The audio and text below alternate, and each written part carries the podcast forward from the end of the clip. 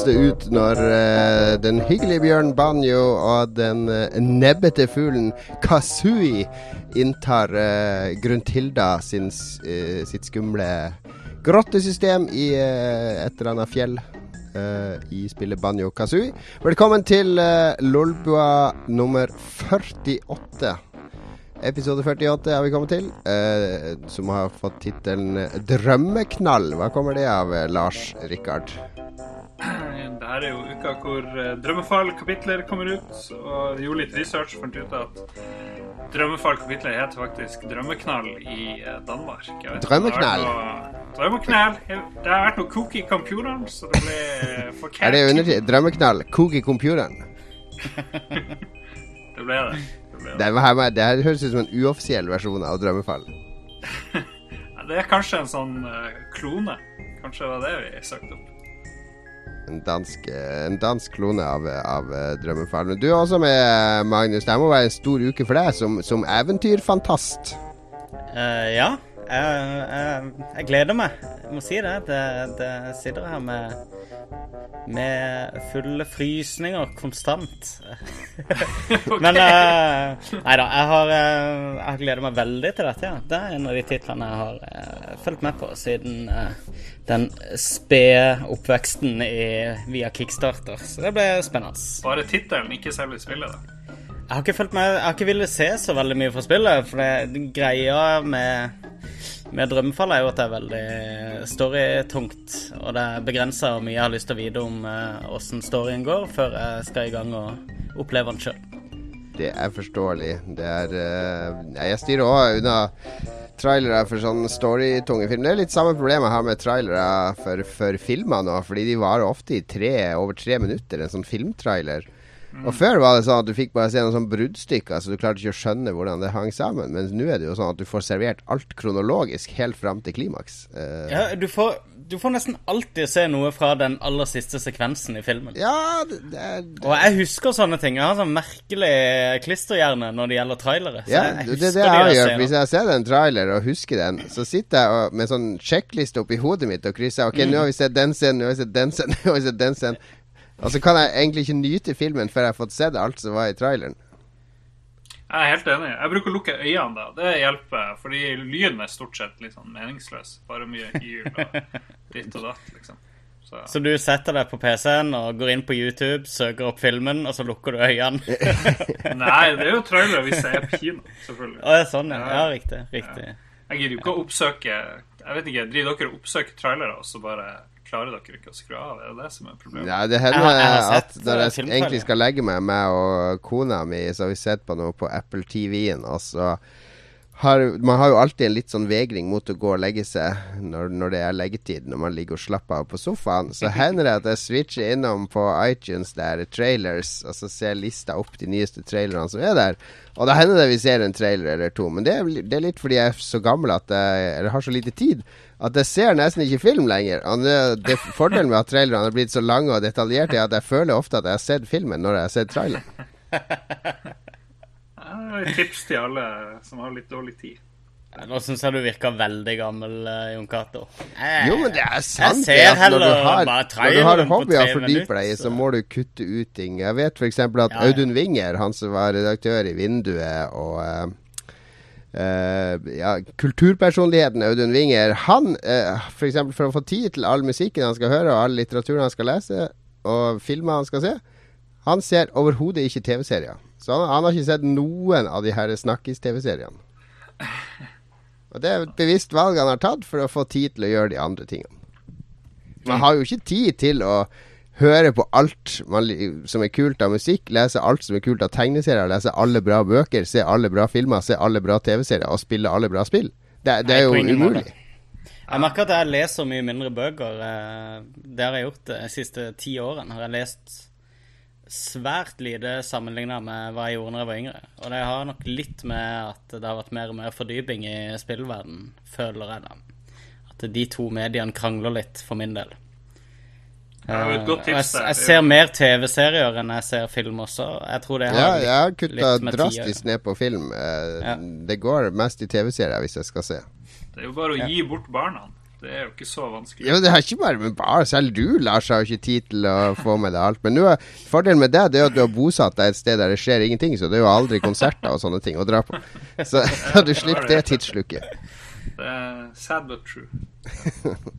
yes. Nei, men velkommen til, til alle lyttere til en ny episode. Eh, vi skal snakke en del om eh, drømmefall i dag, men vi har masse annet vi også skal snakke om. Men aller først, i vårt eh, nesten splitter nye sendeskjema, så er det nyheter.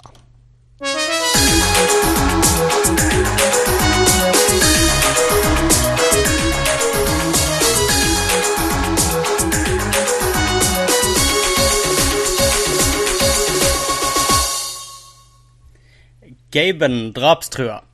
Det er som kjent bare én måte å få noe gjort i spillbransjen, og det er via dødstrusler på Twitter. Da indiespillet Pananautical Activity nylig feilaktig ble omtalt som en Early Access-tittel av Steam, kokte det over for sjefutvikler Mike Malback. En eskalerende Twitter-tirade endte i no en noe overraskende klimaks at drapstrusler mot Valve-sjef Gabe Newell og endte med en litt mindre overraskende utestengelse av spillet fra Steam i all overskuelig framtid. Jaha? Det som var overraskende, var at du klarte å lese din egen tekst helt korka. Ja, jeg vet det. Jeg så det nå. Jeg skrev den her i gang, og jeg hadde ikke lest gjennom den igjen. Det var noen lange setninger der. ja, det, var, det, var mange, det, var, mange setninger for å fortelle en kort historie. Altså, det var en, en, spillutvikler som eh, ble rasende når spillet deres havna på salg og ble omtalt som Early Access. Var det ikke ja, så? Tingen var at eh, Spillet var Early Access. Uh, rett før, så hadde du uh, bare dagen før eller noe, så var det ikke lenger Early Access, men en normal tittel. Og så hadde Valve, uh, eller Steam, inkludert det i et eller annet sånt høstsalg, eller noe sånt. Og da sto det fremdeles omtalt som en Early Access-tittel. Og da bare, det bare klikka for, for han sjefsutvikleren. Han hadde sikkert ikke... en dårlig dag. Alle, ja, han hadde hvis man har en dårlig dag, så lar man det ofte gå utover ting som ikke er relatert til der problemet egentlig ligger. Men så handler det om dette her med perspektiv, og det med å liksom eh, ha disse her eh, delene av hjernen som sier så så, nå har jeg vært sint nok, så nå, nå, kan, jeg, nå kan, jeg, spare det til seinere. Anger management er en god ting. Ja. Har du aldri trua med å drepe noen da, Magnus? Eh, ikke skriftlig. Nå vel? På internett. Eh, vet du hva, jeg kan ikke huske drapstrua noen Ja, så Forrige Game Reactor-julemiddag her, så jeg har noen lapper her liggende fra deg. Nede på, ja. Fant på gulvet etter at det rulla der. ja, det er jo godt å høre. uh, nei, men det er jo helt bak mål. Og det er jo så ufattelig å skyte seg sjøl i foten hvis du er avhengig av å distribuere deg sjøl via en plattform, så går du rett i synet på han som eier plattformen, og sier du skal drepe han. Og så var du bare sarkastisk, sier du etterpå. Det sier jo litt om måten folk snakker til hverandre på nettet. ikke sant? Han er vel vant til å gå på dagbladet.no eller tilsvarende og lange ut mot hva som helst i veldig sterke ordelag. Jeg tror det er flere og flere folk som blir vant til å jeg vet ikke. Når de er på ja, nett, det, og når det, de er i tekst, så har de helt andre grenser enn de har hvis de snakker med noen ansikt i ansikt. Men det handler men det jo også om at du må, du må føle Eller du må være inni den der kulturen og være sikker på at du er der blant likesinnede før du bruker så, sånne uttrykk. Eh, når du er på Twitter, så må du jo gå ut fra at en av de tusen som leser det, tar det opp feil. altså, det nytter ikke å være sarkastisk og ironisk på Twitter. Nei, det gjør ikke det. Og det, er ikke noe poeng i å teste de grensene med en som basically er publisheren din. Jeg mener, du, du, hvis du skal teste om en drapstrussel funker eller ikke, som at folk skjønner at det er kødd, prøv med en kompis først. Og så ta det videre med, med en annen du kjenner relativt godt, som du vet har humor. Ikke han du avhenger økonomisk av.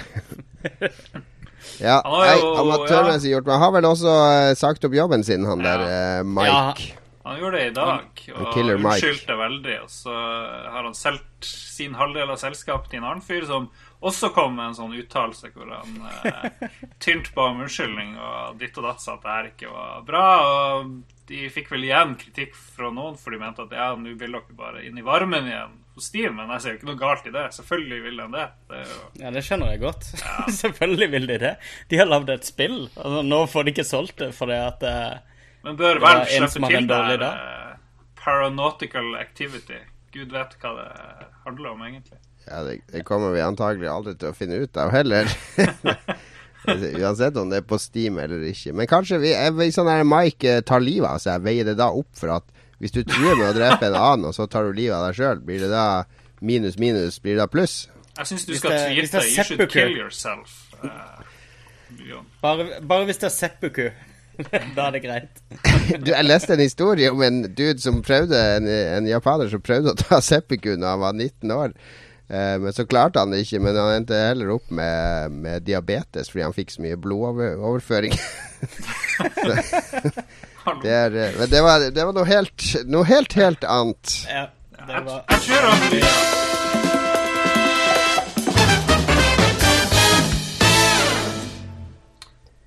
Candy Crush knuser konsoller.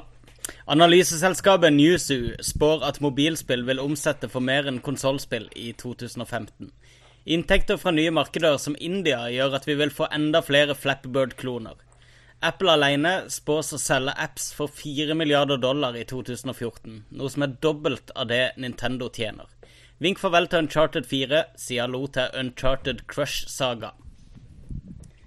Ja. Ja. Det er jo, går jo til helvete, det her, da. Høres det ut som. Ja, hvis det bare er omsetning som styrer produksjonen av spill, da. Men altså, det er jo ikke så mange år eh, hvor spill har vært på Nei, eh, det, er, altså, det, det, handler jo om å ha litt perspektiv her. Fordi hvis du ser på Nei, verdens mest sette TV-serier, så kommer jo kanskje eh, Game of Thrones og Sopranos på sånn her tusendeplass. Hvis du skal ta med alle serier ja. i Kina og Sør-Korea og India og Nigeria og resten av verden. Altså Selv om man produserer innhold for hele verden, eller til hele verden, så betyr det ikke at spesialinnhold tilrettelagt for uh, vår smak, og som vi liker, vil forsvinne. Jo, alt kommer til å gå til helvete. Det er rimelig sikkert. Nei, nå står det Gamergate på capsen din, Lars. Er det det, eller er det Gamergate, det her er krise. Hva? Det hørte de Lolbua først. Alt går til helvete. Ja, nei, men det her, her Mobilmarkedet vokser selvfølgelig gigasvært. Det skulle bare mangle. Ja. Vi, jeg bruker jo Hvor mye bruker du på mobilspill i året, Lars? Eh, masse. Men det er jo fordi jeg må anmelde et par ting i uka. jo, jo, men om du ikke hadde gjort det, så hadde du jo brukt litt for det. På ja. Heartstone og ja, Heartstone har jeg brukt mye penger på, men jeg har ikke spilt det på flere måneder faktisk. Nei, det har ikke jeg heller, men jeg har lagt igjen en del penger der. Ja, det, ja. Er det, spiller du Heartstone enda, Mr. Eh, Magnus? Jeg plukka det opp her forleden igjen, eh, faktisk. Skjer noe nytt der? Er det noe Heartstone News på gang? Uh, det er jo en relatert news du burde ha med, nemlig at Metallica skal spille på BlizzCon. Ja, altså disse gamle gubbene som for noen år siden, år siden sto og raste mot internett og Napster de, de, står nå og skal omfavne kanskje det mest internettvennlige spillselskapet av alle. Noen år siden. Det var på 90-tallet, så vi må ha litt Ja, ja, slutten av Nei, var det så sent? Når var Nap Napster? var 2000? 2001? Det. Ja, det var, det var vel seinere enn det, til og med. Jeg husker i hvert fall han fjotten Lars Ulrik. Han sa det eneste han brukte internett til, det var å sjekke hockeyresultater. Eh, ellers så ante han ikke hva internett skulle brukes til. Han mente det var helt bortkasta. Ja, det, det, er jo Men se til Metallica for teknologifremsyn, så, så får du det du ser etter, holdt jeg på å si. Får det du fortjener.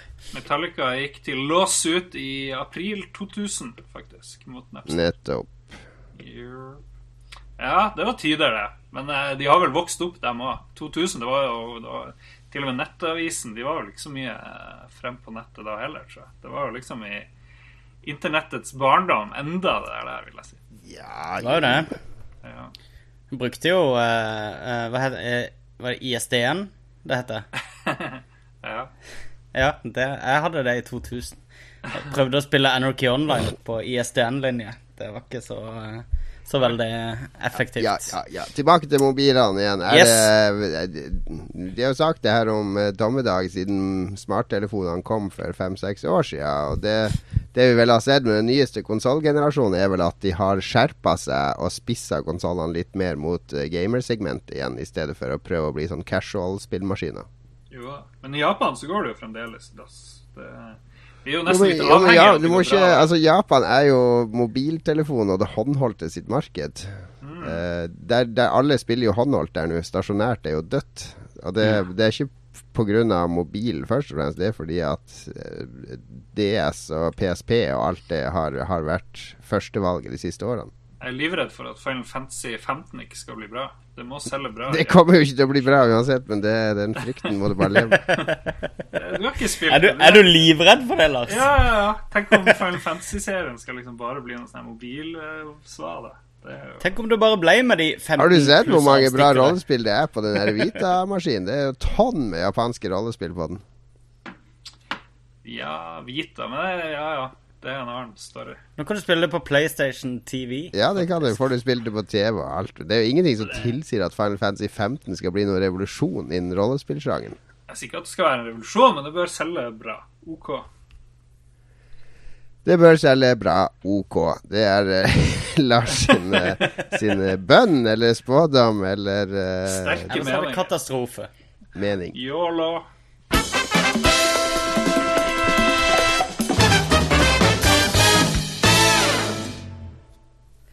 Commodore 64 på topp igjen.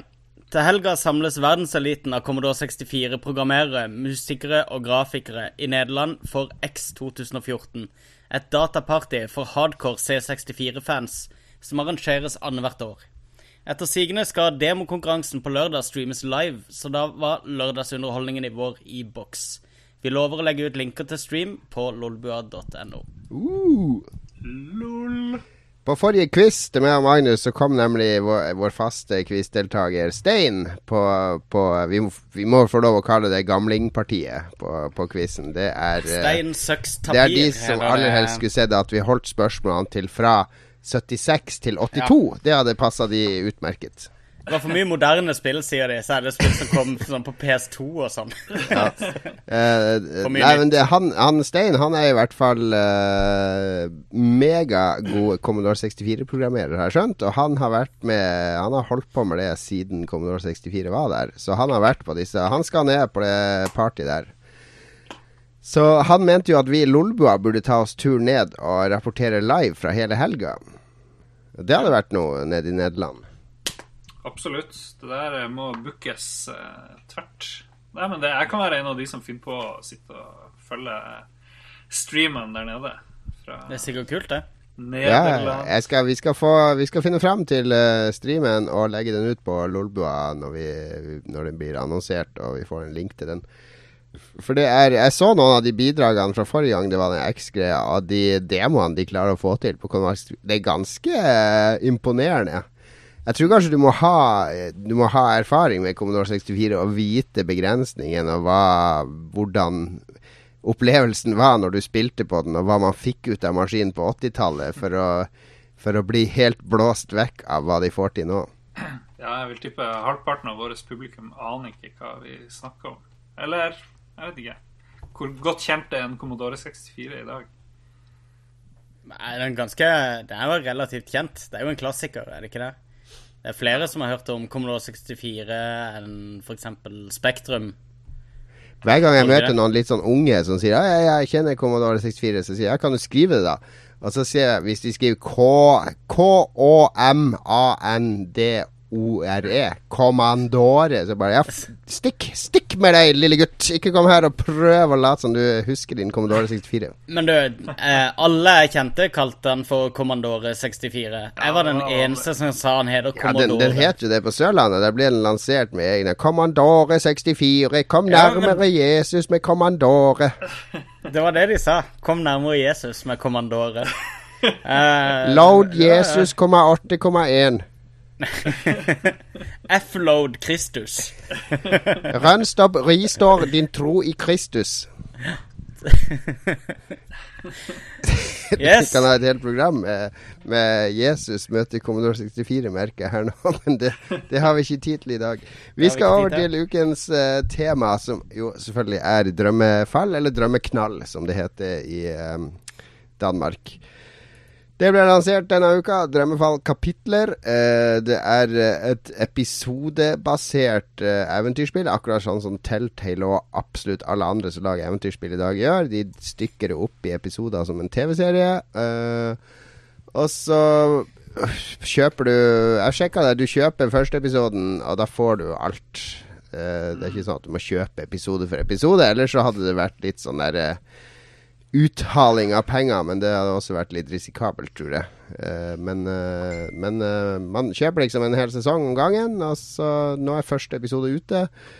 Jeg har spilt den. Lars har spilt den. Magnus, du har ikke spilt den. Ikke ennå. Nei.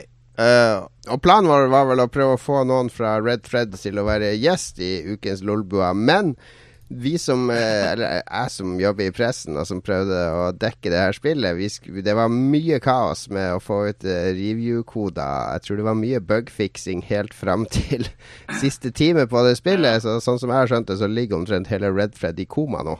Jeg vil tro det. Jeg så på Steam, var det der, så var det liksom Kommer spillet? Nei, spillet kommer ikke. Jo, vi kødda, vi overreagerte. Det var ikke så ille. For de, de fant masse bugs, og ting og tang funka ikke. Så de drev og holdt på bare noen timer før spillet kom ut. Eh, og det er ennå ikke bugfritt. Så det er godt Jeg tror de holder på fortsatt. Det er litt uh, optimaliseringsissues. Og jeg har møtt på én bug der jeg fikk Zoe til å flyte bortover bakken uh, overalt hvis jeg ville. Men uh, men bugs eller ikke, spillet er i hvert fall lansert.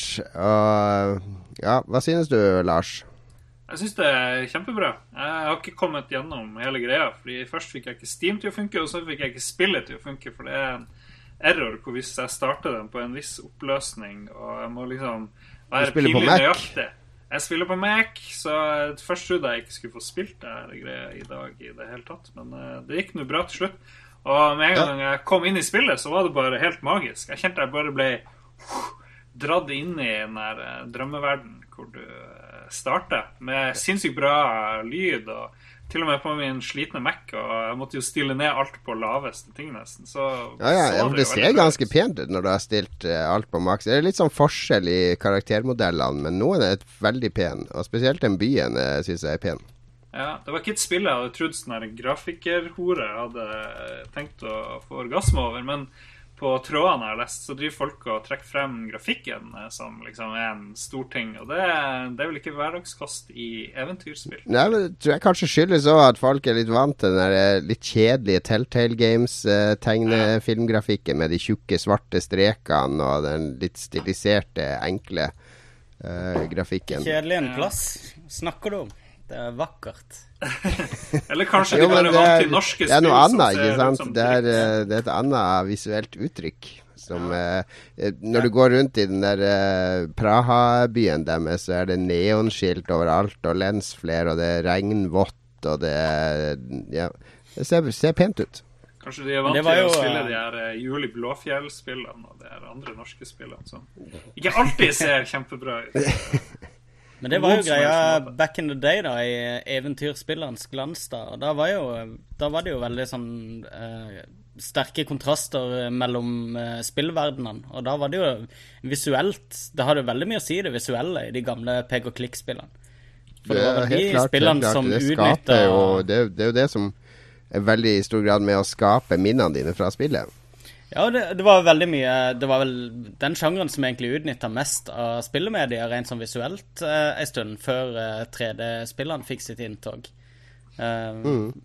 Så, eh, så, jeg syns det er kult de holder oppe den tradisjonen og klarer å levere vakker, et, en vakker verden også, ikke bare en en vakker verden, og så klarer de også å levere en kul, uh, kule karakterer. For de ja. syns jeg overgår mye jeg har spilt i eventyrspill. Fordi de går uh, det første kapitlet handler jo nesten bare om Zoe, da. Og det, du kommer veldig under huden på Zoe, både på godt og vondt. Du får lese dagboka hennes. Du får uh, En veldig kul ting er at du får sånn spørsmål om ting, og så får du høre tankene hennes da før du velger hva hun skal svare. Ikke bare sånn som Commander Shepherd, der du svarer ja eller nei, eller drep eller lev. Men det er sånn der uh, Ofte litt sånn banale spørsmål, uh, men som sier noe om hvem du vil at Zoe skal være, da. Mm. Ja, det er jo Zoe er sinnssykt bra der. I, ja, det jeg har spilt, i hvert fall. Hun virker milevis bedre enn nesten alle andre spillkarakterer jeg har vært borti, inkludert i Heavy Rain og sånne andre populære spill som liksom later som at de har sånn kjempegode eh, karakterer. Jeg vet ikke, Fins det noe bedre? Skal vi allerede utrope Zoe som årets spillkarakter i 2014? Ja, Kommer vi på noe bedre? Jeg, jeg, er enig med deg. Det også, men det er, også, det er ikke bare hun, det er flere andre i det spillet òg. Fordi det forholdet mellom hun og den kjæresten det blir jo tydeligvis en sånn rød tråd gjennom spillet om du skal eh, prøve å eh, forbli kjæreste med han, eller om du skal gjøre det slutt. Mm. Og de driver litt sånn og småkrangler hele tida, men det er ikke sånn når det er en sånn krangel i et sånn vanlig spill mellom et kjærestepar, så er det veldig sånn her Åh, du er så dum! Og sånn, sånn veldig sinna, eh, påtatt krangel, ikke sant? Ja. Mens her så er det mer sånn der eh, du merker bare at det er noe sånn feil atmosfære. Og det, du vet nå, du har vært i, sikkert vært i dårlige forhold, Lars. Eh, det, og Magnus. Og det har jeg òg. Du vet åssen det er når du er i sånn forhold eh, Altså, irriterer du deg litt over partneren, altså spør hun om et eller annet, og så vet du at nå kan jeg svare en pen og hyggelig ting, men så velger du å svare det du egentlig vil svare, bare på en litt styggere måte. Sånn at hun blir litt uh, lei seg, eller litt, uh, litt sur, og så svarer kanskje hun litt sånn stygt tilbake. Ikke sånn der veldig stygt, ikke sånn der din idiot og sånn, men bare litt sånn derre Du gir henne ikke akkurat det svaret hun vil ha. Er sånn subtil krangling. Det er det de klarer å få til i Drømmefall òg. For det er en scene der der du, du, du, du, ender opp med å krangle med den kjæresten, og det er en krangel som oppstår ut av ingenting. Akkurat som i virkeligheten. Det oppstår ut av ingenting. Jeg syns det er utrolig bra skrevet, det manuset. Sånn virkelighets... Uh, altså, jeg tror på det, det de sier, og, og, det de gjør. Jo da, de, jeg tenkte mens jeg spilte at her burde de her Destiny-karene leid inn han Ragnar uh, Tørnquist. For det, det, gjør så vanvittig forskjell. F.eks. For i veldig starten der, da, for å ikke spoile noe, så møter hun Zoe en sånn fyr i den der drømmeverdenen, og så driver han og Det er der vi først får de her eh, flere valgmulighetene om å si ulike mm. ting. Og uh, han forteller sjøl, og hun forteller sjøl, det vi tenker som, som tilskuere. Vi har en slags innvending om ja, Var ikke du litt kryptisk nå, sånn som er typisk Jevnskipphjelp, så sier han det er ikke med, jeg, gjør, jeg, er ikke kryptisk her med vilje, liksom, men liksom, jeg vet ikke noe mer enn det ja, ja, ja. Så de Nei, går veldig inn i hodet på publikum da, og forutser hva vi vil tenke. Og det skjer sjelden i spill, syns jeg. Ja, det er godt skrevet. Altså, jeg, har jo jeg har anmeldt i dag. Jeg ga en eh, femmer i uh, Aftenposten. Uh, solid, uh, sterk femmer. Jeg, var, jeg, ble veldig glad i spillet den tida det varte. Og gleder meg veldig til neste. Så Jeg har fått litt sånn variert kritikk rundt omkring. Men så ser jeg alle de som har anmeldt det, de har ikke skjønt at en sånn avgjørelse du tar i starten, den deler seg i to forskjellige stier, da. Eh, så du gjør en time av spillet nesten tilbringer du enten på ett sted eller på et annet sted. Avhengig av hva du svarer i starten. Fordi alle anmeldelser jeg har lest, så har de valgt det ene valget som fører til at du Uh, jeg skal ikke spoile her, for Magnus har ikke spilt. Ja, vær så snill. Spilt. Men, men, men de, de, ramser opp hva du skal gjøre i spillet. Så ramser de opp den tingen da som er en konsekvens av det ene valget, som en av de hoveddelene i storyen. Og det er ikke det.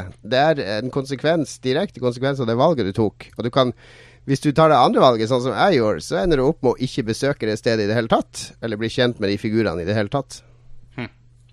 Men, eh, men, da burde jo kanskje spillet ha forklart det litt bedre, muligens. Det er kanskje det som Ja, men som anmelder så er det din jobb å granske det. Jeg klarte å finne ut av det sjøl, men det var fordi etter jeg hadde spilt det, så leste jeg gjennom uh, De sendte jo en sånn walkthrough òg, Red Thread.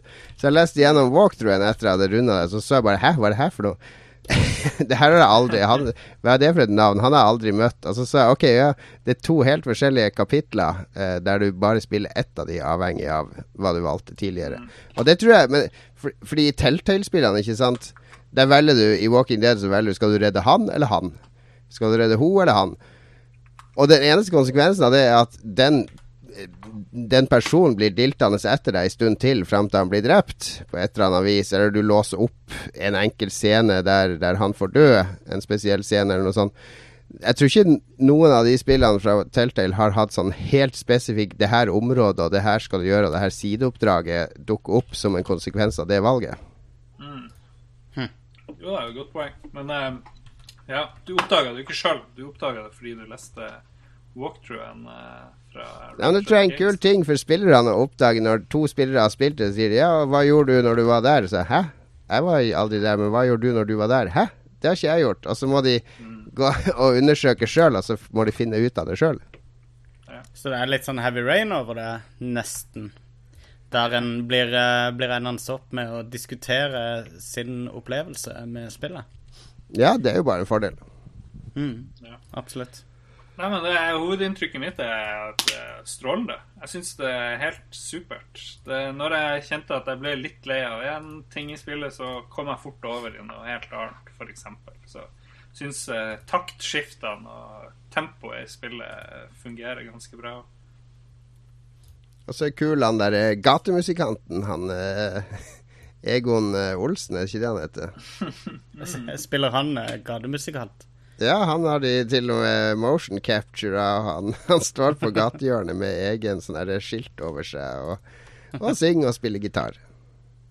Yes. Han var faktisk på P13 i dag, var han gjest for å snakke om hvordan det var å være kanskje verdens første singer-songwriter som var seg sjøl i et spill. En annen ting jeg tenkte på i starten, så er det jo mye nordlys i spillet. Og litt sånn norske omgivelser kan man være snill og tenke, i hvert fall, siden vi er fra Norge. Ja, det er jo noe nordlys eh, og eh, Og fjell og daler og ditt og datt. Så jeg vet ikke hvor mye de har lagt vekt på hvor de har produsert det spillet. Men det blir gøy å se videre om det kommer noe mer sånn. Og så var det jo news da i dag at det var så sterkt nordlys uh, for tida nå at det fucka opp diverse ting. Og kompassene fungerte plutselig ikke tidvis. Spesielt Oi. her oppe i nord. Det har vært sinnssykt mye nordlys i det siste. Så. Jeg har sett det på nyhetene. Ja. Man husker jo ikke erte nordlyset, for da kommer det og tar det. Det lærte mm. vi når vi var barn. ja, det var dritskummelt da man var liten. Det lærte vi ingenting om Nei, det... på Sørlandet. det kunne vært en drømmesekvens om i spillet. Vi får tipse Ragnar etter hvert. Tips, Ragnar. Nei, eh, Lolbu er i hvert fall strålende fornøyd med Drømmefall så langt. To av oss eh, i hvert fall. En tredje gleder seg vel ikke noe mindre til å spille det nå. Nei, det er helt korrekt. Jeg har jo eh, vært litt bekymra, selvfølgelig. Um, drømmefall var jo uh, altså um, uh, Det aller første var jo et sånn tradisjonelt pek og klikk-spill. Uh, den lengste reisen. Og oppfølgeren Drømmefall var Det var jo da de begynte å eksperimentere litt med, med 3D og, og litt sånn actionsekvenser og sånn inn i gameplayet. Og du må vel sies å ha vært ganske tidlig ute med å bruke 3D eh, i eh, den sjangeren, da. Eller det å bruke litt actionsekvenser og 3D-actionsekvenser og sånn. Og det ble Resultatet var litt halvveis, syns jeg. Så jeg, har vært litt bekymra for dette. Og, ja, men nå, det er ikke noen sånne actionsekvenser nå lenger. Nei. Nei, men, uh, men, jeg vet de har, de har eksperimentert litt med, med, formatet likevel. Noe jeg tror er helt nødvendig for å gi ut et eventyrspill i 2014. Ja da, ja da. Hvis jeg skal gi deg noen tips Magnus, før du spiller, du må huske å kjøpe kondom før du har sex med de prostituerte oppe på loftet. Du snakker om Larry 1. ja, jeg snakker om drømmeknall. ja, og det, hvis, jeg, hvis, jeg, skal si en annen ting som kanskje sånn adventure-purister vil reagere på, så er det jo at uh, det er ikke noe sånn der uh, item-hoarding. Uh, du, du, plukker opp én ting her og én ting der, men du bruker de nesten med en gang. Det, det, er ikke sånn at du fyller opp en inventory med 20 forskjellige gjenstander som du så kommer til en gåte, så må du gruble litt på hvilken skal jeg bruke nå. Men det er litt over akkurat det der uansett. jeg vil tro det kanskje Det er ganske er lenge siden du har hatt store inventories i, i adventure-spill. Du ser også hadde det der tyske spillet, det Raven-spillet. Der husker ja, jeg ikke å samle på alt mulig dritt. De tyske spillene er selvfølgelig sånn Tyskeren har en sånn kuvøs holdning til hele den sjangeren. der du De ligger bare og dreper Husk at vår mest trofaste lytter er tysk. Ja, men det tyske spillmarkedet får vi lov til å analysere uten at uh, tyskere skal ta det personlig, hver og en. Apropos, og akkurat når det kommer til eventyrspill, så har de et helt grusomt en grusom holdning til sjangeren, mener jeg da. For der prøver de bare De bare gjenskaper og gjenskaper og gjenskaper den der gamle opplevelsen. Selv om det skjer kule ting i Tyskland òg, på spillfronten, for all del. Men, apropos uh, Ja, skulle du ja. si noe mer? Unnskyld.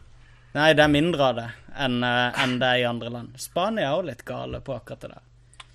Men apropos han, Jan Christian Hegel og andre som muligens følger med på oss. Vi var jo veldig dårlige å annonsere dagens sending. ja, vi har noen... fått eh, spørsmål fra flere, så, ah, så okay. Men hvis noen følger med nå og har noe å skyte inn, så må dere bare kommentere på YouTube eller hjemmesida vår, eller Twitter, eller på Facebook, eller på Send inn spørsmål og kommentarer, så tar vi det i slutten av sendinga. Det er fortsatt tid til å bli med i dagens sending for de ni som sitter og ser på nå. Yep. Vi skal ha en kort pause før vi uh, vender tilbake til å snakke litt om hva vi har gjort i det siste, og hva vi har spilt i det siste. Og Forrige uke så fant jeg fram uh, en gammel klassiker, uh, nemlig Ghost in the Shell. Spillet fra PlayStation 1. Og jeg har vært og gravd opp flere sanger fra det spillet. Jeg ble såpass imponert av, av den forrige sangen, så her kommer kanskje den aller, aller beste sangen fra spillet, Spook and Spell.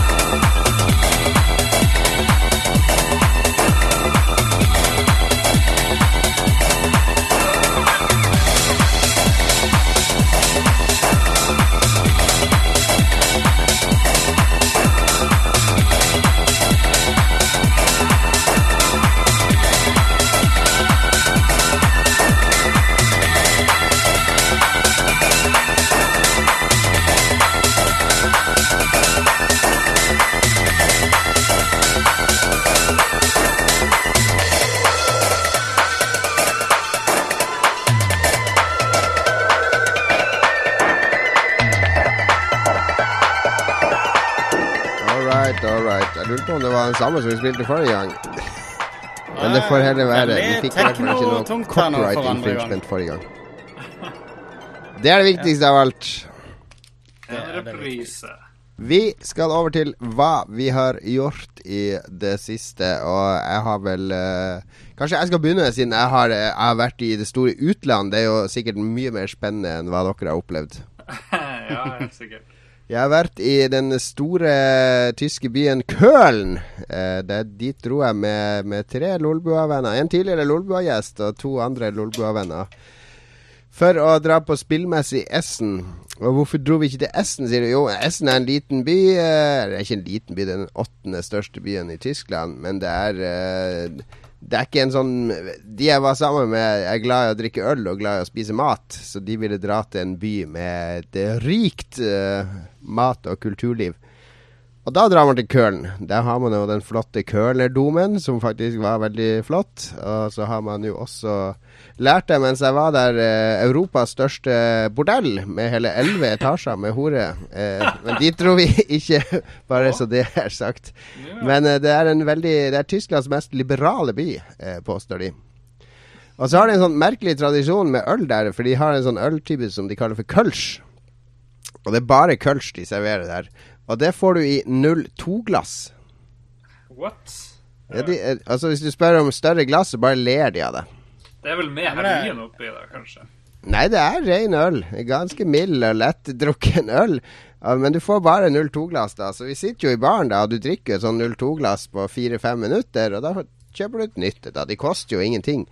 Det er jo kjempebillig. Men det er egentlig Du, du har fersk øl hele tida, da, så det var ikke så dumt å drikke øl av 02-glass.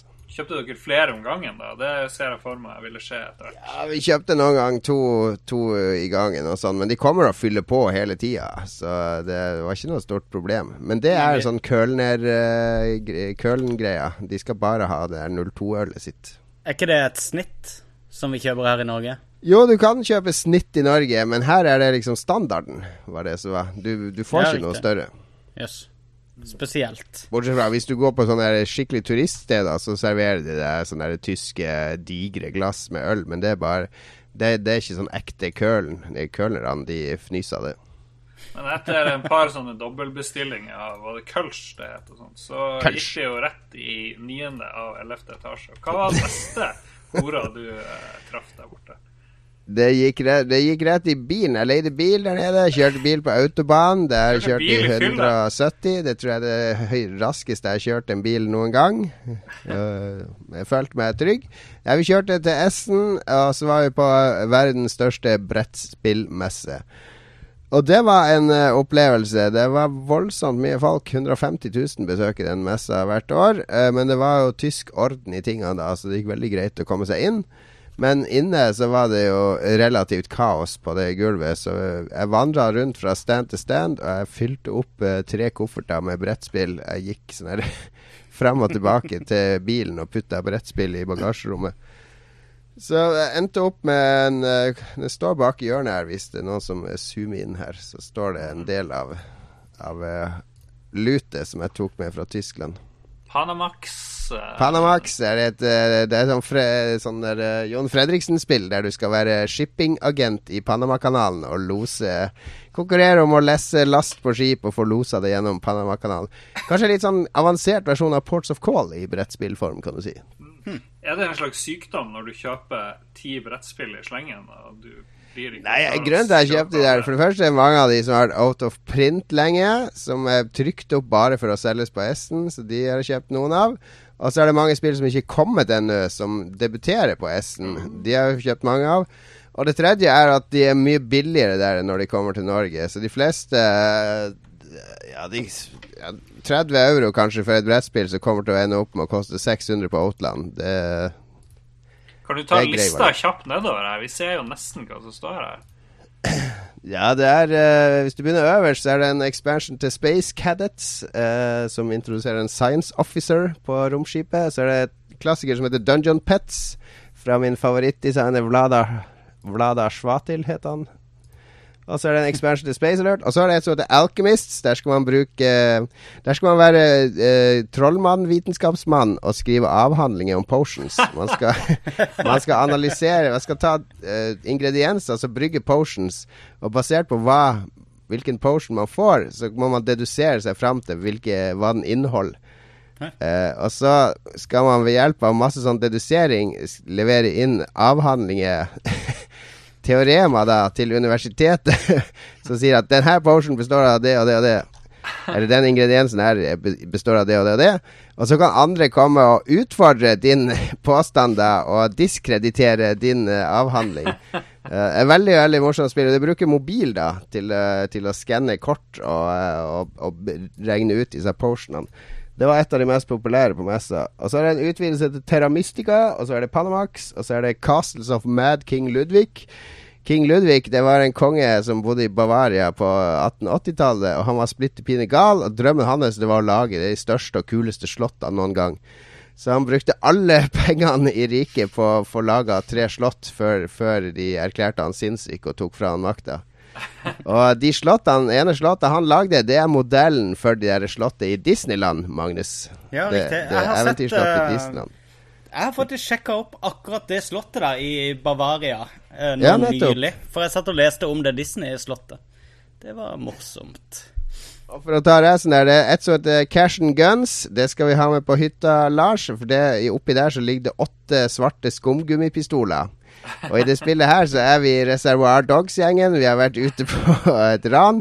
Vi har en bunke lut foran oss på bordet, og spillet begynner med at vi skal fordele lutet mellom oss. Og da kan vi trekke pistolene alle sammen likt, altså sikte på hverandre. Og så får man se hvem som er feig å trekke seg, tar sjansen på at man har en, ikke patron i pistolen osv. Det er et veldig morsomt partyspill. Mm, kult.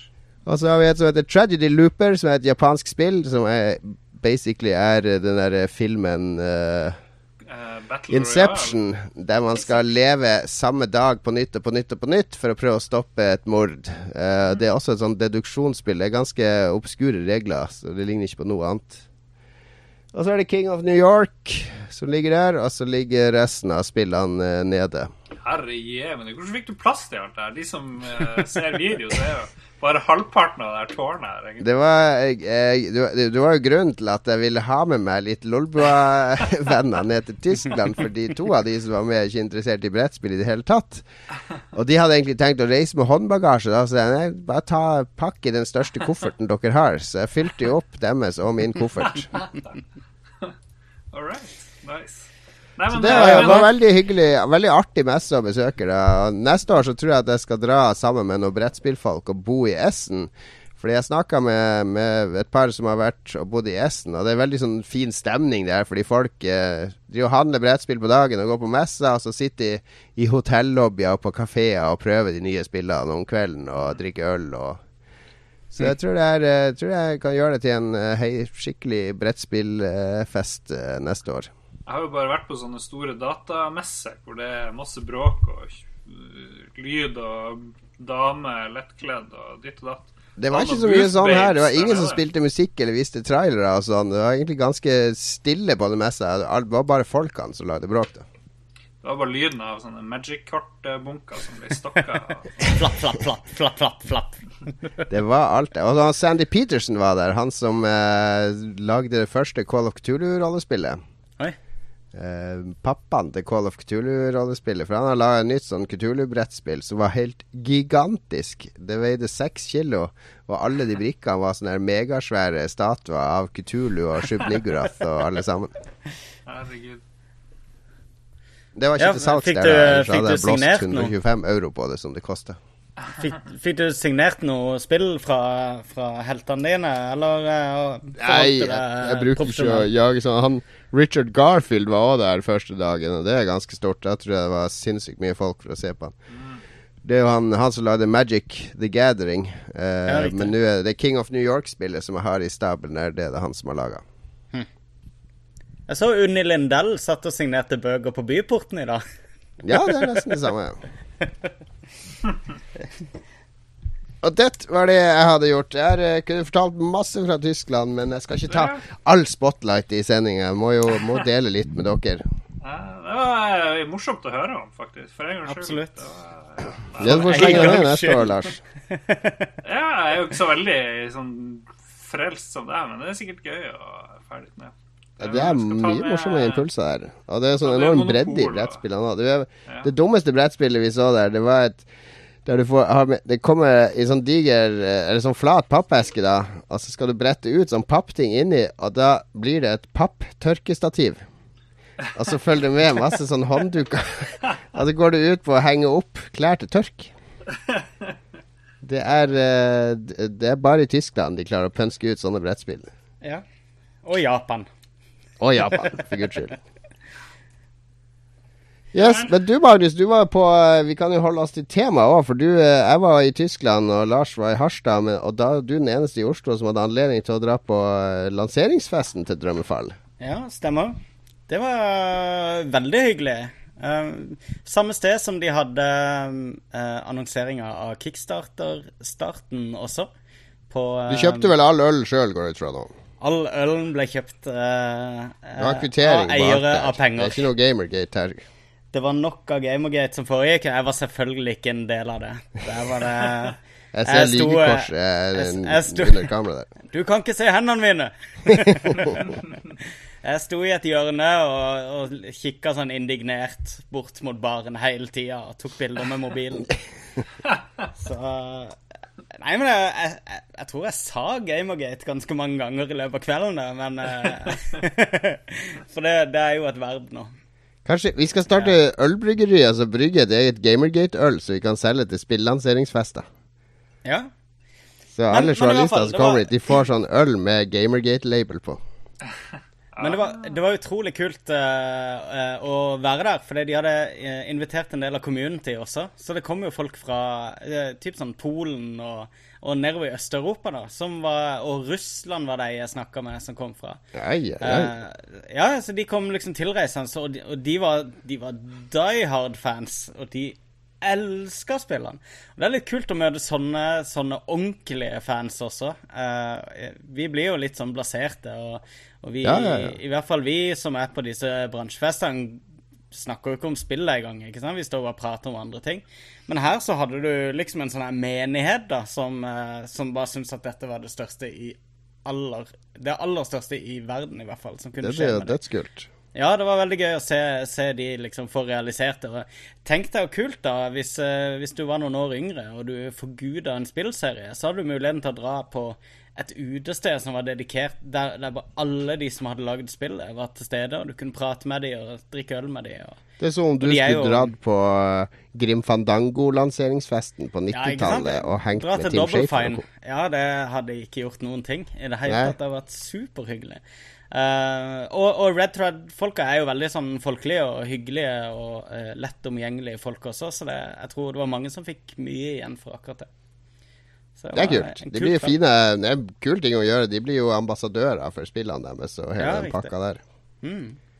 Uten at de er inne i et sånn EA Ambassador Program. Det, men mer eh, Det føles mer ekte, kanskje. Ja. Og de, jo, de kommer jo fra Funcom og sånne ting, så de har jo jobba på veldig mye større prosjekter. De har, men de har liksom fått med seg den der kult uh, det, Kanskje den største kultverdien fra, fra, Funcom, vil jeg si. Har de fått med seg inn i Redfred nå, med Drømmefall og Lengste reisen og dette her. Uh, Tok du opp uh, Nose Studgate da, med all denne hardcore-fansen? Nei, jeg, jeg, var veldig hyggelig og omgjengelig. Jeg. Var... Det er jo for de lytterne som ikke vet hva det er, så var jo når Drømmefall kapitler først ble, ble lagt ut på Kickstarter, så hadde Zoe en sånn nesering. Og det, det, fikk en del negative kommentarer fra noen fans, og den ble jo da Jeg tror de sa den skulle gjøres optional, men jeg er ikke helt sikker på hvordan man slår den på i, i spillet. Nei, det er, noe, det er noe bevisste valg du må ta i historien som gjør om hun drar og pierce seg eller ikke. ja, kanskje det. Hun må dra og pierce henne i historien. Ja. Piercing-minispill. yes. Nei, men det var en hyggelig fest. Ble du, ble du veldig berusa? Kom du deg hjem, eller endte du opp i seng og... med Ragnar og Dag? Nei, jeg gjorde jo ikke det. Det, var, det gikk uh, kjempegreit for seg, og uh, ja. Og alle var enige om at det hadde vært en veldig hyggelig fest. Så flott, da. Ja. Så, Enn du da, Lars Rikard oppe i Harstad? Er det kommet snø nå? Eh, nei, det har ikke det. Nå er det storm rundt omkring i området. Men eh, nei, nordlys og sne oppe i fjellene. Det var sinnssykt fint i dag. Skikkelig sånn klart og sne oppe over noen hundre meter. Så, så flott, det på vei. Det er på vei. Nei, så mens jeg venter på å kunne gå på ski, så har jeg lest mye bøker. Jeg har lest uh, noe av en fyr som jeg kanskje har nevnt så vidt før, en som heter Steven Renneberg. Som skriver litt i samme tralten som han er Harry Harrison, som hadde en veldig morsom serie om The Stainless Steel Rat. En sånn her mm. interstellar eh, banditt som ender opp med å redde verden eh, gang på gang. Han, En av de her fiendene han jobber mot, blir til slutt kona hans. Så det er ganske useriøst, men veldig underholdende. Og denne gangen så er det litt samme greia.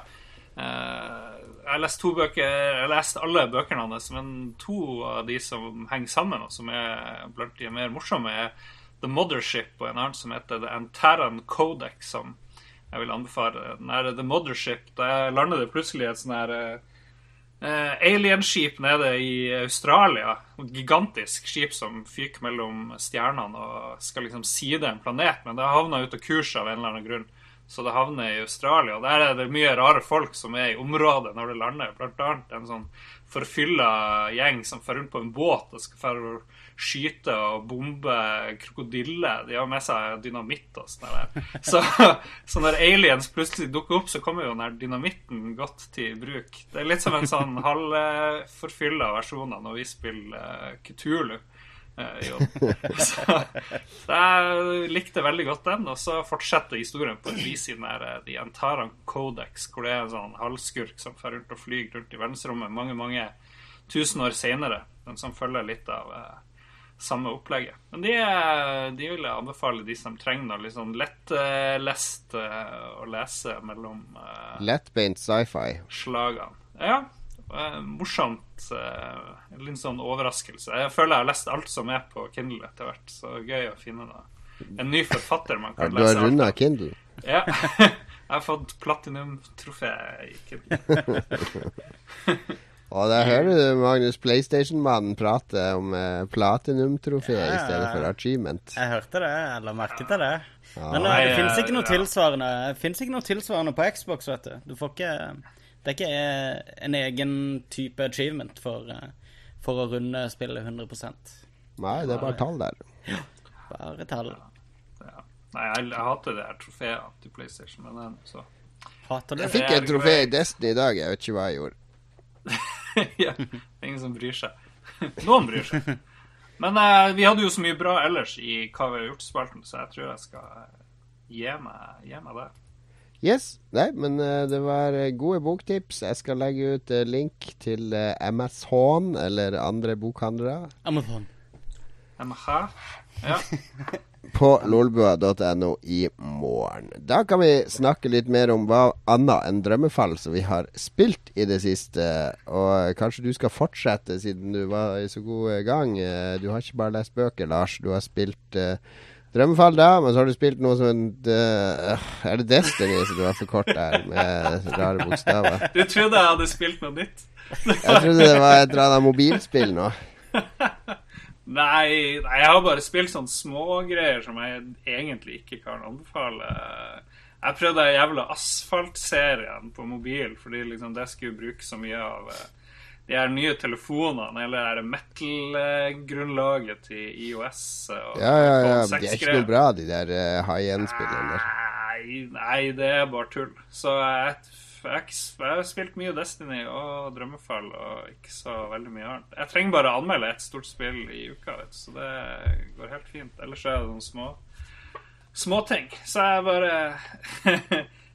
har mye tid til å, å samle inn uh, strange coins. Ja, ja, ja, ja, ja. Vi trenger ikke å snakke så utrolig mye om Destiny. Veldig glad på dine vegne når det kommer til samlinga med strange coins, ja. Lars. Takk. Kjør Strange Coins. Du da, Magnus. Du har, du har uh, eh, rydda bort sofaen, skjønner jeg, og, uh, og dansa litt foran skjermen. Nei, det er akkurat så mye dansing. Men um, tidligere i dag så fikk jeg en uh, kode på um, det nye Harmonix-spillet. Harmonix som i sin tid oppfant uh, Det er vel Guitar Hero de er mest kjent for. Riktig. Uh, og de er, de er, jo mesteren av musikkspill, så hver gang de kommer opp med et nytt musikkonsept, så er det jo um, en god idé å følge litt med. Nå har de kommet opp med et Kinect-spill, og jeg er jo som kjent ikke eh, veldig begeistra for ting som innebærer å bevege seg foran Kinect-kamera. Eh, bevege seg generelt, men, tror jeg vi sier. Nei, jeg er ganske glad i å bevege meg, vil jeg si. Men, eh, men dette her er da Fantasia Music Evolved, er det ikke det det heter? Ja, og du, du, er både, du er både fan av Xbox og Harmonix og Disney. Så her, her skjønte du Nå må jeg bevege meg. Men, jeg må, det her må jeg prøve. Det går ikke an å være fan av Xbox. Det går ikke an å begrunne det at du liker et spill fordi at du liker en konsoll. ok, du er fan av Harmonix og Disney, så da, da må du ofre deg og, og, kaste deg inn i Kinecten. Jo, men jeg er også fan av musikkspill. Og jeg har vel spilt det, det aller meste som har kommet av musikkspill opp igjennom, akkurat som deg, Jon Cato. Ja, ja, ja, ja, det tviler jeg ikke på. Så det er en, en, sjanger som står mitt hjerte nær. Ja, ja, ja. Men fortell, fortell om Fantasia nå. Står du bare oppå en sånn klippe og vifter med armene mens Kosta går rundt med bøtter med vann? Altså, nei, er du er basically Du er uh, silhuetten av dirigenten i Fantasia, da, i et orkester. Så uh, så er det noen veldig enkle instruksjoner som forteller deg hvordan du skal bevege armen. Så det handler om å veive armene. da. I utgangspunktet er du en slags uh, dirigent til låtene som blir spilt.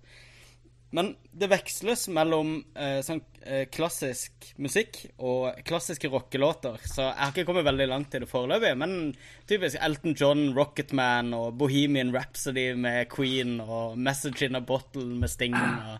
Jeg får veldig flashback til de her musikkspillene som bare ja, strømmer på på 2000-tallet. Men det som er kult her, er at denne veivinga, det er en slags blanding av sånn klassisk eh, dirigering, da og bare en sånn intuitiv Du vet på byen og hører favorittlåta di, og du skal gestikulere låta, for da Hør nå, hør nå, hør nå! Og så der kommer det! ikke sant? Så gjør du en bevegelse. Det, det, er litt den følelsen de klarer å gjenskape. da. Jeg, jeg, flere ganger så tok jeg meg sjøl i å virkelig sånn der det var, en, det var en slags sånn der abstrakt sånn der eh, et abstrakt musikalsk uttrykk, hvis det går an å si det. Eh, eller en måte å, liksom, å formidle det på. For det, eh, jeg merka at eh, musikken ble ti ganger mer eh, engasjerende mens jeg sto og gjorde disse bevegelsene. Og idet du kommer inn i grooven, det, det, er en veldig, veldig kul følelse. Jeg var superskeptisk mot dette spillet da jeg begynte på det, men eh, jeg, må, jeg, må, innrømme de, de er inne på noe der. Det, det er en helt helt spesiell måte å spille på. Begynner litt sånn kleint, og du tenker dette kommer jeg aldri til å gjøre i, uh, i det offentlige. Men etter hvert så kommer du inn i det, og det er altså, veldig, veldig gøy så langt, da. Og er hmm. allerede hmm. Hvordan måler det seg mot andre dirigentspill, f.eks. Uh, eh, ma uh, Major Minors Majestic March på Nintendo Wii, eller Wii Music, som også hadde dirigentseksjon? Uh, det første der spilte jeg på E3, husker jeg en gang. Uh, We Music spilte jeg vel aldri, skal jeg ærlig innrømme. Det er det her mer, det er mer abstrakt, som du sier? Det er mer at du står ja, og fridanser til musikken, eh, eller? Ja, men du bruker hendene, da. ikke sant? Så du gjør, du gjør bevegelser som, som, du forstår intuitivt hvorfor du gjør det. Fordi du, du, illustrerer forskjellige ting som skjer i musikken. Og de ja. bruker sånn her grovt sett sånn uh, dirigerings... Uh, sånn standarder for å formidle det. da. Men kan du få Kristine til å filme deg neste gang du spiller det, så kan vi legge det ut på Lolboa? Nei, det kommer aldri til å skje. Uh, er du flau? Er du flau over at du står og beveger deg litt foran skjermen? Eh, kjenner du meg som en person som, eh, som ikke er redd for å drite seg ut offentlig? Ja, ja, ja du, er, du, er, du, har et personlig image som du ivaretar, så jeg tror ikke Jeg, jeg får deg ikke til å synge Singstar, f.eks. Hvor stor er sjansen for at det her blir det nye Guitar Hero, da? På en jeg skala tror, fra tror, til syv? Jeg, jeg, tror den Disney-greia, da, jeg tror jeg, jeg kommer til å skyve vekk mange.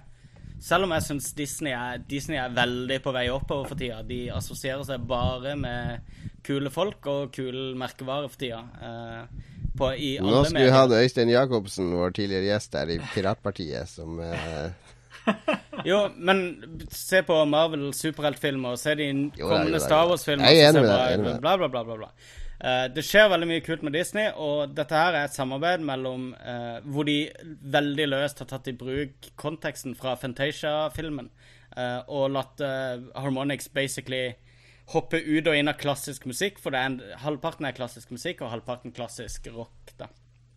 jeg har bare fått um, så vidt jeg har forstått, når jeg bare kikka sånn kjapt gjennom achievement-lista bare for å skjønne hva som spillet har å by på seinere, så virker det som det er veldig mye minispill som åpner seg opp etter hvert altså. Ikke bare det vanlige musikkspillet. Men mm. det kan jeg ikke snakke om ennå. Men det her anbefaler du for alle som har en Kinect som samler støv? Uh, definitivt. Eh, for det at, uh, og dette er helt, akkurat det samme som Kinect for Xbox 360. Ingen klarte å virkelig benytte Kinect andre enn uh, Harmonix. Uh, ja, med ja. dansespillet sitt. Og, og Double Fine til en viss grad. Ja, jo, jo, det er jeg for så vidt enig i. Men når det kommer til respons, da, så, så, er det upåklagelig. Jeg har klagd veldig mye på responsen i Kinect på Xbox One. Jeg, ja. jeg mener at de fremdeles ikke helt er der. Men når du spiller, eh, når du spiller Fantasia, så, så føles responsen helt, helt perfekt. Og du kan også kalibrere som du vil, hvis du føler at det ligger for seint eller for kjapt ut. Jeg, merkelig nok, overraskende nok, så anbefaler jeg spillet, i hvert fall så langt. Magnus har herved delt ut sin uh, Game of the Year i, uh, i dagens Lolbua. Fantasia. Music til Kinect.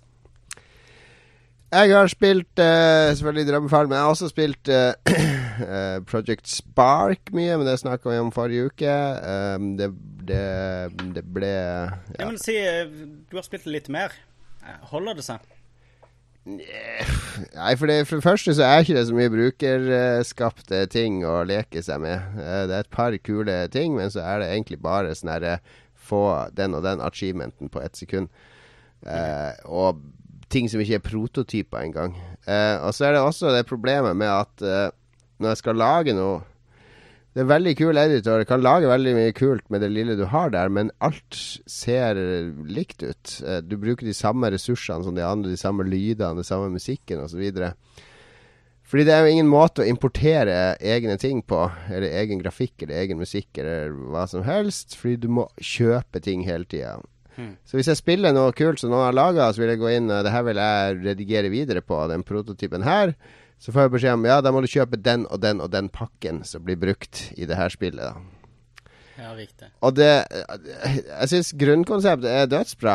Hadde det, vært et, hadde det vært sånn at jeg kunne kjøpt eh, for 600 kroner en sånn komplett pakke der alle kunne lage teksturer til det, kunne lage objekter, kunne lage scenarioer alle kunne lage og importere det de ville i skaperverktøyet og dele med andre, så hadde det vært helt genialt. Men når de har gjort det sånn lukka, at jeg kun kan leke meg med de ressursene de eh, vil selge til meg, så det undergraver hele den skapergleden. Ja, for dette er free to play, hva?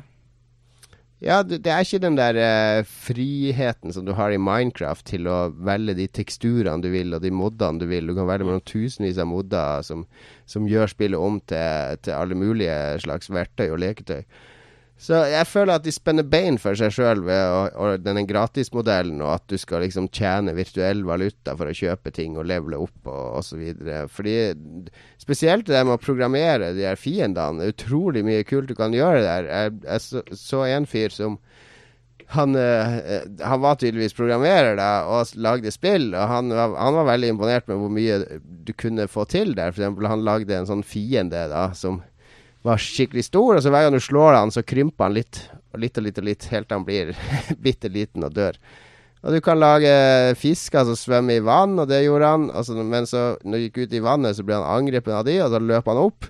Og Da kom fisken etter han på land, og da måtte han stille inn sånne verdier at fisken ikke kunne gå på land. Og du kan virkelig programmere de her skapningene og lage skikkelige AI-er og sånn. Så systemet er der, men, men, det må åpnes opp for at potensialet skal nås, føler jeg, da. Ja, riktig. Hm. Så, men det jeg egentlig ville snakke om, var jo Alien Isolation, som jeg yes. har uh, spilt gjennom. Og det likte jeg kjempegodt. Det, er, eh, det burde du seriøst, Lars, ta deg en pause fra Destiny for å spille. Se gjerne Alien først, og så spiller du det. Det er den, det er en av de kule Det er den 80-talls uh, sci-fi den sent 70-tall, tidlig 80-talls, sånn som de trodde at fremtida skulle se ut da. Det mm. ser akkurat ut som Alien. Og det er så detaljert. Det er så stemningsfullt. Det er så, det er så deilig 80-talls sci-fi. Mm, ja. Og jeg syns ja, det, det, er verdt å oppleve bare for de første timene. Hvis du ikke holder ut resten, så er det greit nok. Fordi det, er en, det er en stor tålmodighetsprøve, men jeg syns det er helt briljant. Men blir det for skummelt?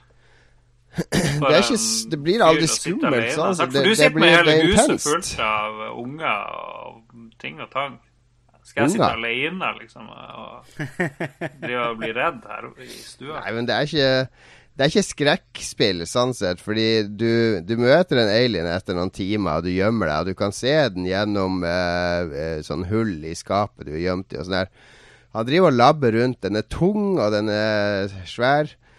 Mm. Men, men, du blir vant til å se den. Det er ikke, det er ikke utseendet til alien som er skummelt, og, eh, eller at han driver og gjemmer seg, at du skvetter og sånne ting. Men det er bare Du vet at hvis han ser deg, så er du død. Uh, og det er den der uh, Og det er ikke noe sånn Du må finne sånne telefoner på veggene for å lagre, da. Og det er den frykten der for å bli oppdaga når du har gjort så mye og kommet så langt. Det er litt den der uh, Dark Souls-frykten. Fordi du, du, må tilbake til forrige lagringspunkt, ikke sant, når du dauer.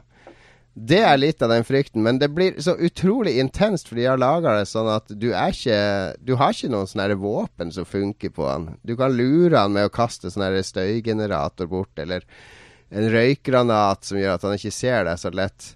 Når du ligger der under et bord og han labber forbi rett foran deg og går og snuser i lufta og stirrer rundt jeg, ligger, jeg, sitter og holder pusten skikkelig. det er ikke fordi at jeg er livredd, men fordi at det er uh, jeg er nervøs, og det er intenst. Har du på uh, Kinecten, da? Hm? Har du på Kinect? Nei, jeg, jeg, det, jeg spiller det på PlayStation. Ah, ja. Nei, du kan ha på PlayStation-kamera og ja, sånne ting, men det gidder jeg ikke, fordi det er lyder nok i huset som det er, så jeg vil ikke at noen av ungene som roper, skal, skal gjøre at alien hører meg. Fordi kan, du kan spille det sånn at du må være helt stille sjøl for å ikke bli oppdaget. Er det bare alien og sånt man tenker på, eller Nei, det er det som er kult. Fordi det er en svær romstasjon. Og det er ikke sånn at du er alene med alien. Det er masse mennesker der. Mm. Og de, Alien driver og jakter på alle. Da. Altså, de har gått i sånne grupperinger og skyter på hverandre og kjemper om mat og sånn. Det er litt sånn Bioshock-følelse på akkurat de, da. Mm. På at de er ikke sånn splitter pine gal. Noen av de kan du snakke med, og, og, og de er en del av historien og sånn. Men så er det masse sånne and androider da som styres av datamaskin på, uh, på romstasjonen. Og den har selvfølgelig også gått inn i sånn full forsvarsmodus fordi det skjer så mye mord og greier. Så alle de androidene de kommer også og tar livet av deg og kveler deg hvis de får muligheten. Fordi du går hele tida og trespasser på områder som de passer på. Og de androidene de er sånn skikkelig sånn 80-talls uh, Uh, androider med sånne blanke skaller og sånne blanke øyne, og de rører ikke leppene når de snakker. Det er sånn vandrende mannekengdukke. Det er bare utrolig creepy når du får snike deg rundt blant de, og, og de snakker med de robotstemmene sine og sånn. Så det er, det er, ikke bare den alien som er en fiende hele tida. Det er klart å lage ganske bra variasjon i det. Nå skal jeg koble noen av de tingene vi har snakka i dag, litt sånn space og drømmefall. Vi må få Ragnar Tørnquist til å få lage adventure-utgaven av 2001. Eh, for det er jo et univers som er både dypt og vakkert og stemningsfullt. Hmm. Det, det, finnes jo eh, The, The, Dig, husker du det? Lucas mm. Arts mm. eh, pek-og-klikk eventyrspillet. Det var, det var, litt sånn 2001-stemning på. Det var jo opprinnelig en, en, filmplan fra Steven Spielberg. Ja, jeg husker det. Mm, som de scrappa som film og lagde spillet i stedet. Det var en god idé. Det var i hvert fall det vi hadde spilt i det siste. Vi skal høre litt uh, Final Fantasy 7-musikk før vi kommer tilbake til siste segment av eh, podkasten, der vi skal svare litt på lytterspørsmål. Uh, Magnus og Lars, mens vi hører musikk, kan dere støvsuge våre sosiale medier-kanaler for å sørge for at vi har fått med alle lytterspørsmål? Jeg har gjort det nylig, så jeg tror vi er Bra, bra, bra. Da hører vi på en remix av Crazy Motorcycle. Uh, det er en remix fra Final Fantasy 7, uh, eh, som sagt. Uh, vi husker jo alle at Cloud Strife kjørte jo motorsykkel i det spillet. Her er det mimretid. うん。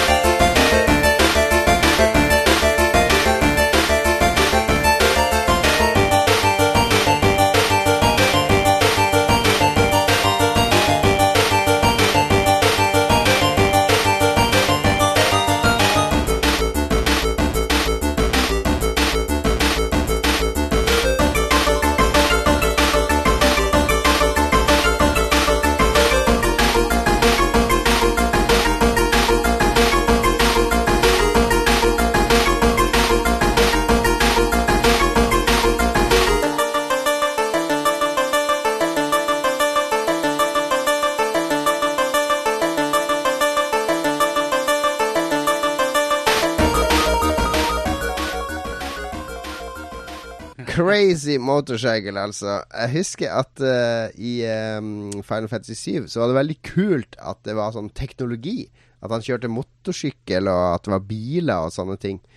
Var liksom, vi var liksom vant til at fantasy-spillene våre var fantasy med sverd og hester og drager og sånne ting. Og så var sci-fi var sci-fi. Og så kom det plutselig et spill som blanda de her to. Ja, det er det. Good times uh, all around. Men uh, ikke prøv å spille det på nytt. Er det ikke det rådet vi har, egentlig? Nå hadde jo vi en gjest nylig som hadde spilt det 23 ganger. ja. og vi har tidligere hatt en gjest som i hvert fall har spilt det over 20 ganger, nemlig Philips. Og hvis vi putter de Hvis vi plusser de to sammen og regner ut antall timer de har brukt på Final Fantasy 7, så har vi vel faktisk en tredje gjest som hadde vært ti år gammel. Hvis han hadde levd like mange timer som de hadde spilt Final Fantasy. Som hadde hett Final Fantasy 7-spilletid. kanskje det, kanskje det. Vi skal inn i vår lytterspalte, og da overlater jeg som vanlig eh, Da setter jeg på denne svale bakgrunnsmusikken. Som Hører dere det nå? Er det for lavt? For høyt? Det er bra. Da overlater jeg som vanlig roret til den fulle kaptein uh, sjømannen, uh, kaptein uh, Olsen. Han liker en flaske rom. Han har gjerne en papegøye på innerlomma idet han tar over roret og loser oss gjennom eh, lytterspørsmålenes eh, farvann. Her gjelder det å ikke gå på skjær, ikke støte fra seg noen lyttere, men slenge litt gull og litt agn over siden, sånn at eh, stimen av lyttere følger oss gjennom alle skjærene. Nå tror jeg alle kjønnssykdommene du pådro deg i Tyskland, har slått inn for fullt. Syfilisen har tatt over hjernebarken. Ja da. Nei, vi kjører på med spørsmål, og vi kan begynne med det her som ble sendt inn mens vi snakka om uh, han Gaben som ble drapstrua av han her uh, Paranautical Activity-duden. Han sier så når en mann blir drapstrua, bare ler dere! Vi kan vel svare ja til det. Ja. ja.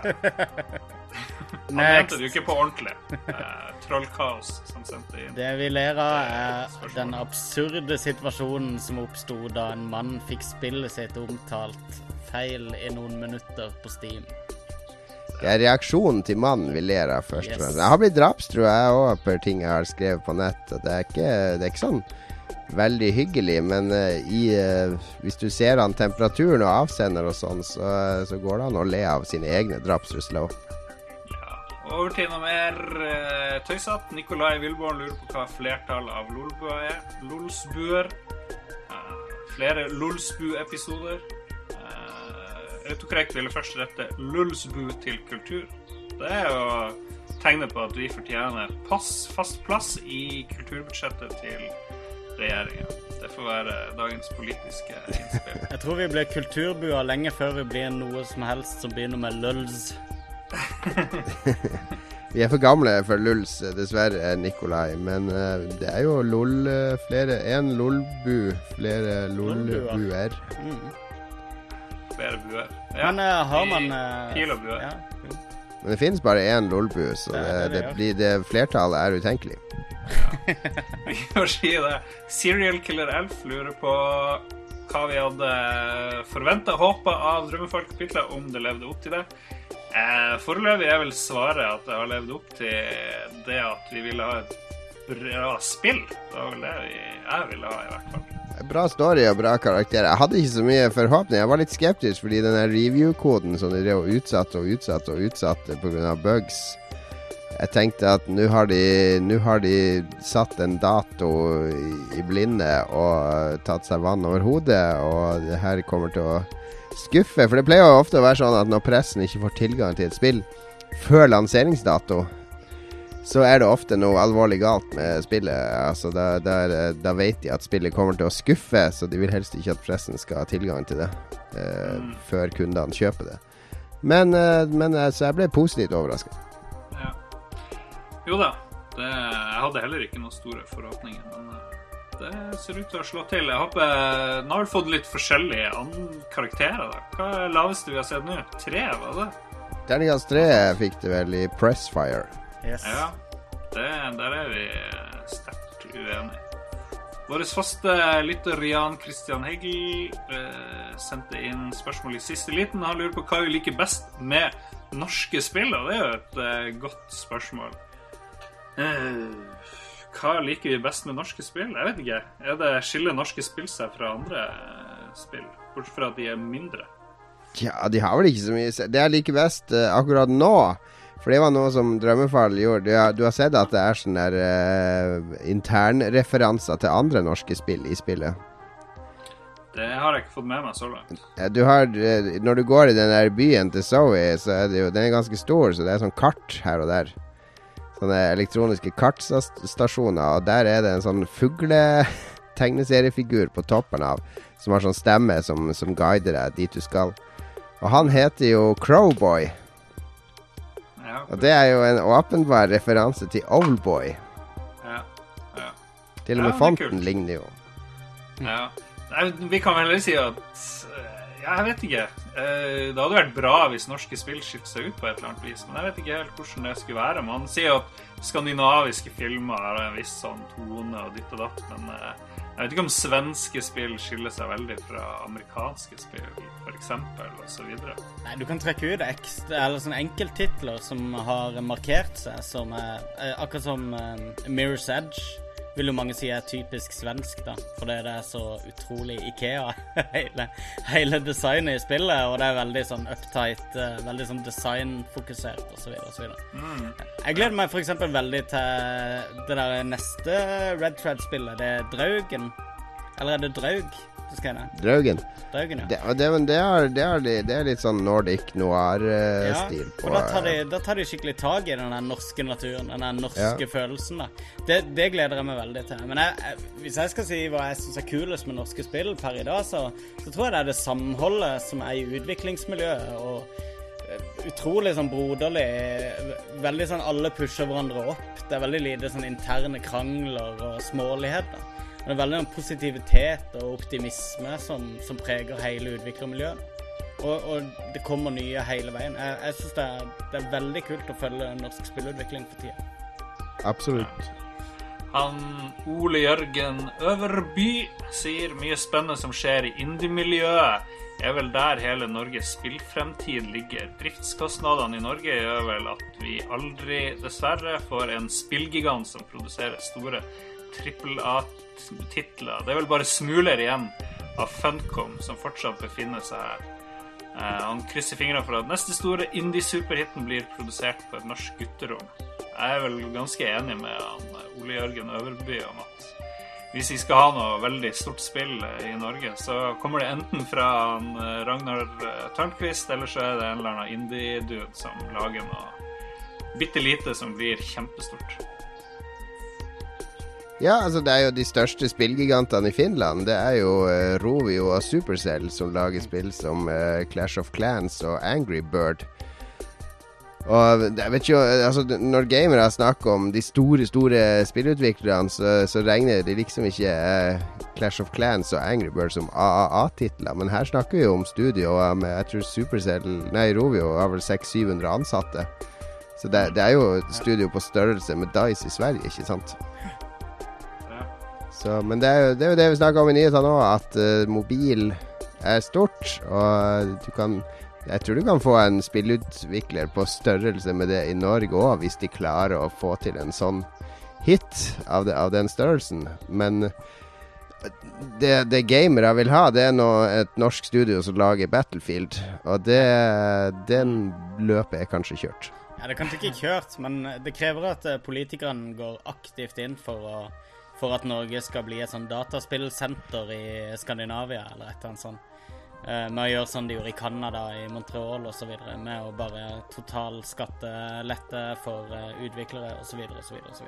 Men hvis du snakker med studenter, de som studerer, så Jeg, jeg snakker med en del lærere på, på noen av de bedre sånn spillutviklingsskolene, og det er liksom når de snakker med studentene sine, så halvparten de har lyst til å sitte i en bås på Dice eller Starbreeze eller noe sånt og jobbe tre-fire år på storspill. Mens den andre halvparten de har lyst til å bli som uh, de der som lager Device 6 og, uh, og de indie-studiene og Markus Persson og sånn. De har lyst til å lære seg å lage spill og så gå ut og lage den indie-perlen sin. Så, så, Sånn tror jeg det er i Norge òg. Der tror jeg kanskje du har en høyere andel som er mer på det indie-bølgen, har lyst til å ikke bli en gigant som lager AAA-titler, men lager det de brenner for, mens den andre mindre andelen de drømmer om den der uh, å lage det storstudio. Mm. Jeg gir terningkast 60 av Martin Herfjord, som har et godt spørsmål. Han lurer på hvis vi ikke hadde jobba i spillpresse, hvilket spill ville vi ha spilt på fritida nå? Og uh, svaret for mitt vedkommende er jo ganske lett, men uh, jeg vet ikke hva Kanskje Heartstone i tillegg? Kanskje litt Heartstone i tillegg. Ja. Um, så det er, jo, det er, jo, stort sett bare du, Jon, som har den der uh, fulltidsspilljobben. Jeg vet ikke, hadde du, Hva hadde du spilt hvis du uh, kunne velge? Da, hvis jeg måtte kjøpe alle spillene sjøl og bare kjøpe det som uh, ja, Jeg hadde sikkert spilt Destiny da òg, men jeg tror Skylanders med ungene hadde vel vært det som hadde spilt mest. Okay. Jeg, jeg, er jo strengt tatt ikke spillpresse for tida. Jeg skriver ikke for noen. Så uh, jeg kan egentlig bare svare det jeg spiller for tida, egentlig. For jeg, jeg spiller Fantastisk. det jeg har lyst til. Fantasia uh, ville Magnus spilt. Uh, ja, men jeg holder også på med et annet spill som jeg ikke kan snakke noe om ennå. Uh, du kan si at vi, vi, kan, vi får lov å si at vi spiller Sunset Overdrive. Vi kan bare ikke si hva vi mener om Sunset Overdrive. Vi kan si det. Ja, det er sant. Vi kan si at vi spiller det. Uh, ja. Du er jo i spillpresse, Magnus. Du jobber jo i Lolbua. Det, det, er sant. det er sant. Nettside og uh, viktig, Ekstremt viktig spillpresse. Ja. Må ikke selge deg sjøl short. Og, Nei, det, kan ikke det var ikke en pun, no pun intended. Nei. nice one. Der kom punnen likevel. Um, nei, men um, jeg, jeg, kjøper ekstremt mye spill for tida. Uh, og, og, jeg runder det stort sett. Så jeg, uh, jeg, setter veldig pris på det, at jeg ikke har det der jaget på meg med å anmelde spill og sånn. At at jeg kan kose meg med spill, og det merker jeg veldig annerledes fra da jeg, da jeg jobba aktivt med å skrive hele tida. Det var liksom at idet du hadde du, du, jager deg opp mot en deadline og bare får spilt så mye som mulig, så skriver du om det. Og så har du strengt tatt ikke lyst til å se spillet igjen eh, etterpå. Og hvis du har det, så er det uansett to-tre spill du må spille i mellomtida før du får tid til å plukke det opp igjen. Og da er jeg, jeg har det akkurat sånn, og den der oktober er den verste ja. måneden for alle ja, som anmelder spill, og i hvert fall for meg som prøver å anmelde mest mulig for å selge til flest mulig. Så ja. Så jeg har masse spill. Jeg har sånn der uh, Det er Lord Hva heter det? Det er Grim, Grimrock-spillet. Grimrock? Ja, det skal være helt sinnssykt bra. Ja, det har jeg som jeg har Det ligger her Jeg har kjøpt, men jeg har ikke tid å spille det. Det er sånn at jeg går og venter på at jeg skal bli ferdig med Evil Within og alle de andre spillene som jeg må spille, så at jeg kan kose meg med det. Fordi det er ingen som vil ha en anmeldelse av The Legend of Grimrock. Det får ikke jeg solgt inn. Jeg har en eh, og en halv kartong med uh, PlayStation 2 og Xbox og GameCube-spill som, som, har den funksjonen. Spille, jeg skal spille når jeg får tid. Uh, det uføretrygdekassa di. Yes. Og så har jeg sikkert to kartonger med uh, 360 og PS3 og og den generasjonen og Wii-spill, da, som jeg også skulle spille sånn rein hver stad-oppsamling. Men altså, hvis ikke du plukker det opp i løpet av det første halvåret så, etter, etter, lansering, så er sjansen ganske liten for at du spiller det igjen. Der har jeg det ganske fint, fordi jeg kan skrive om de spillene jeg har lyst til. De her eh, avisene jeg lager spillside til en side i uka, de gir stort sett F i hva jeg skriver, så lenge det er interessant å lese. Så da jeg kan skrive en hel side om Grimrock. og kutte bort de her småanmeldelsene hvis jeg føler for det. Så det er Sånn ellers i året så kan jeg gjøre det, men akkurat nå så er det så mange som vil ha det og det og det spillet, eller ja, som stiller krav til hva de skal ha. Mm. Men ellers i året så er det ikke så mye krav, så da leverer jeg det jeg har lyst til. Men eh, ja, som sagt, oktober er oktober. Det er uh, ikke loltober, som, er, som våre venner i Red Crew prøver å kalle den. ja, og så lurer jeg på, har vi tatt det her? Neste spørsmålet? har vi tenkt, Hvor har vi lagt til? Hvor har vi tenkt å la håret gro for å feire loltober? Jeg fikk plutselig flashback. For det, jeg lurer på om vi ikke fikk tid til å ta det i forrige uke. Det høres riktig ut. Vi har ikke tatt det. Jeg ja. Er det Ole Jørgen Øverby lurer på det. Fordi, ja De har Loltober i Rad Crew, våre eh, kjære eiere. Og du var jo gjest der uh, i Jeg har vært gjest der, ja. Ja, Så hvordan var det, forresten? Det var veldig endelig noen hyggelige folk å sitte og chatte med over nett. Det, det savner de allerede. Nei da, det er Det var jo vår venn, eh, vår sjef Gusta og hans bror Alexander og han eh, Jack var vel med, så vidt jeg husker. Ja. Så nei, vi prata, om Drømmefall, faktisk, og, og uh, Wasteland 2, som igjen er et spill som jeg gjerne skulle ha spilt i høst, som jeg ikke har tida til. Men uh, uh, det var veldig hyggelig og koselig. Jeg tror den episoden er ute i morgen på redcrew.net. Hva er forskjellen på, være, hva er forskjellen på å være i Redcrew-sending og i Lolbø? Det at jeg slipper å styre teknikk og se på sendeskjema og sånne ting, og så kan jeg tie stille mye mer. Altså det er andre som tar ansvar for å holde flyten i gang. Mm. Akkurat. Kom noen stikk der til oss. Ja, mye, mye sleivspark der, ja. Hyggelig. hyggelig. Og så har du selvfølgelig den der, uh, den der klukken herlige latteren til Jostein som, som det er umulig å ikke bli glad av. Ja, det Kan ikke en av dere få en sånn klukkende, herlig latter? ja, jeg vet ikke. Skal ha, det kan være den neste Lolbua-konkurransen. Hvem, hvem, klarer å fremprodusere den, den varmeste, inkluderende latteren? det får vi gjøre. Jeg tror vi må bare drite i det. Men, vi skulle svare på spørsmålet. Er det sånn at vi må la håret gro et sted under loltober? Du har jo ikke klept deg på året i dag, Lars. Det ser jeg jo. Ja, det her er helt vilt. Det er tonn år. Issen er jo helt out of the question for vår del, Jon Cato, er det ikke det?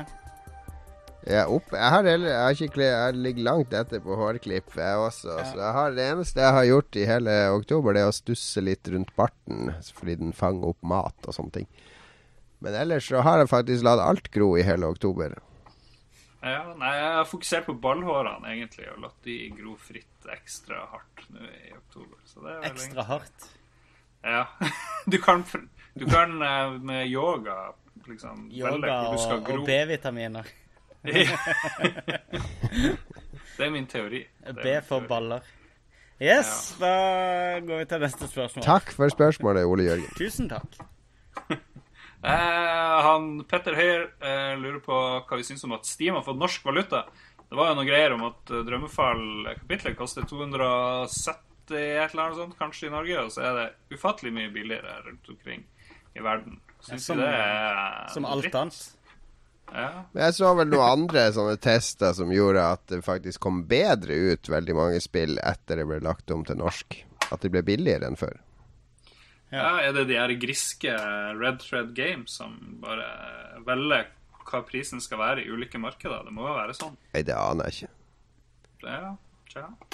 Men uh, vi, er vel, vi, er vel, ganske alene om 25 moms i Norge, f.eks. Som, som gjør litt med Og vi har et høyere prisnivå enn andre land. Det er, det er naturlig her. Uh, stort sett så regner vi jo 10 kroner på euroen og 10 kroner på dollaren.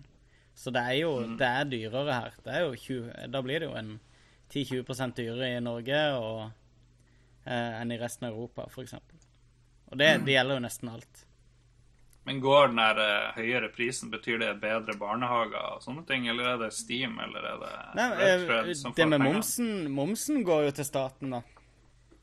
Så, ja. Og det er jo merverdiavgift man betaler til den norske stat. Uh, så, så, ja, det går til bedre barnehaver og uh, flere, Det går politi. til sykehuset som du trenger, Lars, av og til. Det går til mye bra. ja, ja, nei, jeg betaler min skatt med glede. Ja. Det er absolutt. Så akkurat det der med at uh, Altså, det, det, er litt det samme som med den amerikanske Xbox One-storen. Altså, vi må, vi må, være takknemlige så lenge vi har tilgang på den, og så lenge vi får det billig der. og hvis Microsoft uh, i sin store visdom finner det ut at uh, nei, nå er det slutt, nå tvinger vi dere inn i den norske storen med norske priser, så, så må en jo bare si at uh, OK, det var gøy så lenge det varte, men vi skjønner jo det hvorfor vi skal betale det samme som de andre her i landet, og, som er beregna på vårt marked. Og sånn burde kanskje Steam-folka også tenke. Men det er klart, når en er vant etter mange år å leve med et annet prisnivå så... Men det har ikke vært så billig på Steam. Det er jo det som er. Det nye ja. spillet har jo kosta sånn 59 euro og sånn. Og da, ja, hvis, du, det... hvis, du, kjøper et nytt spill på Steam for 59 euro, så finner du jo det på Elkjøp for 499 eller 450 på lanseringa. Altså, du får tak i det billigere i butikk i Norge enn det har kosta på Steam med euroen. Ja, riktig. Ja, nettopp. Og, men, men, går også prisnivået opp, da? Har de ikke forholdt seg ikke til Er det en automatisering eh, på hvordan de Nei, jeg har ikke helt skjønt hvordan det funker. Fordi på noen spill, eller på mange spill, så har det vært billigere, ifølge de artiklene. Det var Gamer, f.eks., tok og målte priser etter de kronene ble innført. Og det var flere spill som var billigere enn euro-varianten. Ja, riktig. Folk klikka jo i fistel på et eller annet gammelt EA-spill òg som hadde blitt tre ganger dyrere enn sånn Sims 3 eller et eller annet sånt. ja. Som kosta 19 ja, det... istedenfor 13 ganger kroner. du er inhabil når det gjelder Sims-serien, for du får jo en hundrings av hvert spill som selges. Uh, ja, jeg, jeg er jo Will Wright, basically. Den norske mm. Will Wright. Ja, Nei, men norsk valuta Det betyr at Steam eh, anerkjenner Norge som et marked òg, da. Så det er, jo, det er jo sikkert positivt, egentlig, det òg. Uh, Henrik Rosenlund sier at det er tøft at noen gidder å lage spill til noe annet enn smarttelefoner. Og da tenker han på uh, Drømmefall. Drømmefall.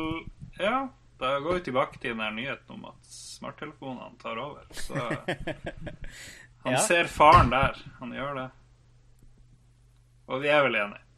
Trollkaos spør om vi har sett på Sargon of Akkad YouTube-videoer. Nei. Og det jeg lurte på hva det var, så jeg måtte jo søke. Og det, det er noe sånn Gamergate-greier skal jeg vedde på. ok. Det henger jo sammen med det første spørsmålet vi fikk fra samme person, regner jeg med. Sargonov Akkad. Nei, men da må vi uh, Så istedenfor å svare ja, så må vi svare nei. Ja. Wikipedia sier at det var en uh, gammel konge fra 23. og 22. centuries BC. Ja, Som også var veldig aktiv på YouTube. Så ja. veldig kjent YouTuber på den tida. Ja. Han har levd lenge. Han er udødelig. Han er jo en Ja, det er noe Jeg er sånn Gamergate-kar eh, som skal grave frem fakta. Jeg fikk jo noen linker fra dere i dag om Gamergate. Skal vi eh, tipse andre folk om det? Skal vi legge ut link på Vi kan legge ut link på lolbua.no. Jeg vet ikke, Skal vi snakke mer om Gamergate nå? Nei da. Så kjedelig. Akkurat nå er vi ferdige, for å si det sånn. Det er vi. Ja. Hardt yes. betalt. For de som lurer på mer om hva vi mener om Gamergate, så har jeg faktisk i ukas Trollolol på Level Up, så snakker jeg litt om ikke Gamergate, men uh, Discogate fra 1978, som var uh, Det var 78-versjon av Gamergate, uh, der uh, rockerne raste mot diskomusikken som ødela den hellige musikken deres. det kan dere se mer om på Level Up. Kødder du nå, eller? Det er sant. Google, ta, Søk opp Discogate på Wikipedia, så finner du det. Hvis du søker opp Gamergate på Wikipedia, så finner du at det er en hundemaur uh, som, som, har muligheten til å formere seg når dronninga forsvinner fra ei maurtue. Så det er også veldig greit å ha med seg. Så det er en maurrase. Interessant. Nei, vi, eh, vi, kan, eh, vi kan se om vi hvis Gamergate fortsatt holder på til jul, så må vi kanskje ha et program til om Gamergate. Ja. ja. En, en, status. Ja. Vi er i hvert fall ferdig for i dag. Det har vært en hyggelig uh, sending, eller hva? Absolutt. Veldig. veldig. Sånn ca. en time kortere enn vanlig i det siste. Og det syns jeg var litt fint. Klarte å holde konsentrasjonen hele veien. Ut og greit. Jeg er glad ikke at ikke forslaget mitt gikk igjennom med å kalle eh, dagens podkast for 'den lengste podkast', med tanke på tema.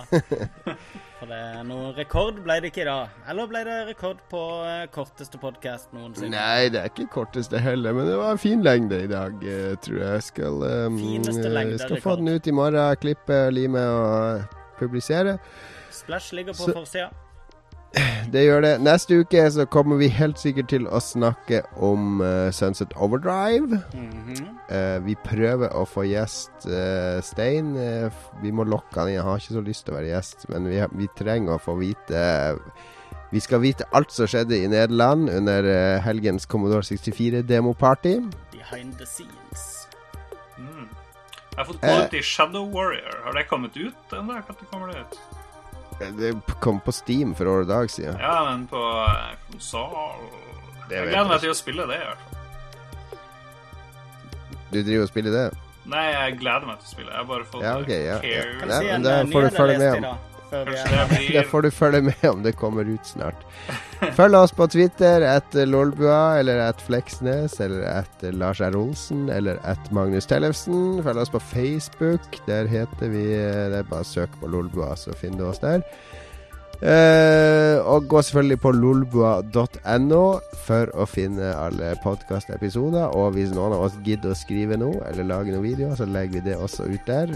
Jeg, driver, jeg skal legge ut noe sånn sexy rumpe i morgen, tenkte jeg. Så Oi. da kan du glede deg til det, Lars. Ja, nettopp. Ja. Ins inspirert skal, av Køln. Jeg skal gro hårene mine et annet sted mens jeg venter. Takk for at dere hørte på oss. Eh, vi høres igjen neste uke. Ha det bra. Ha det.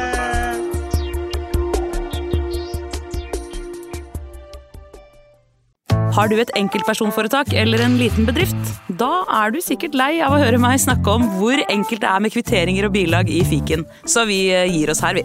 Fordi vi liker enkelt. Fiken superenkelt regnskap.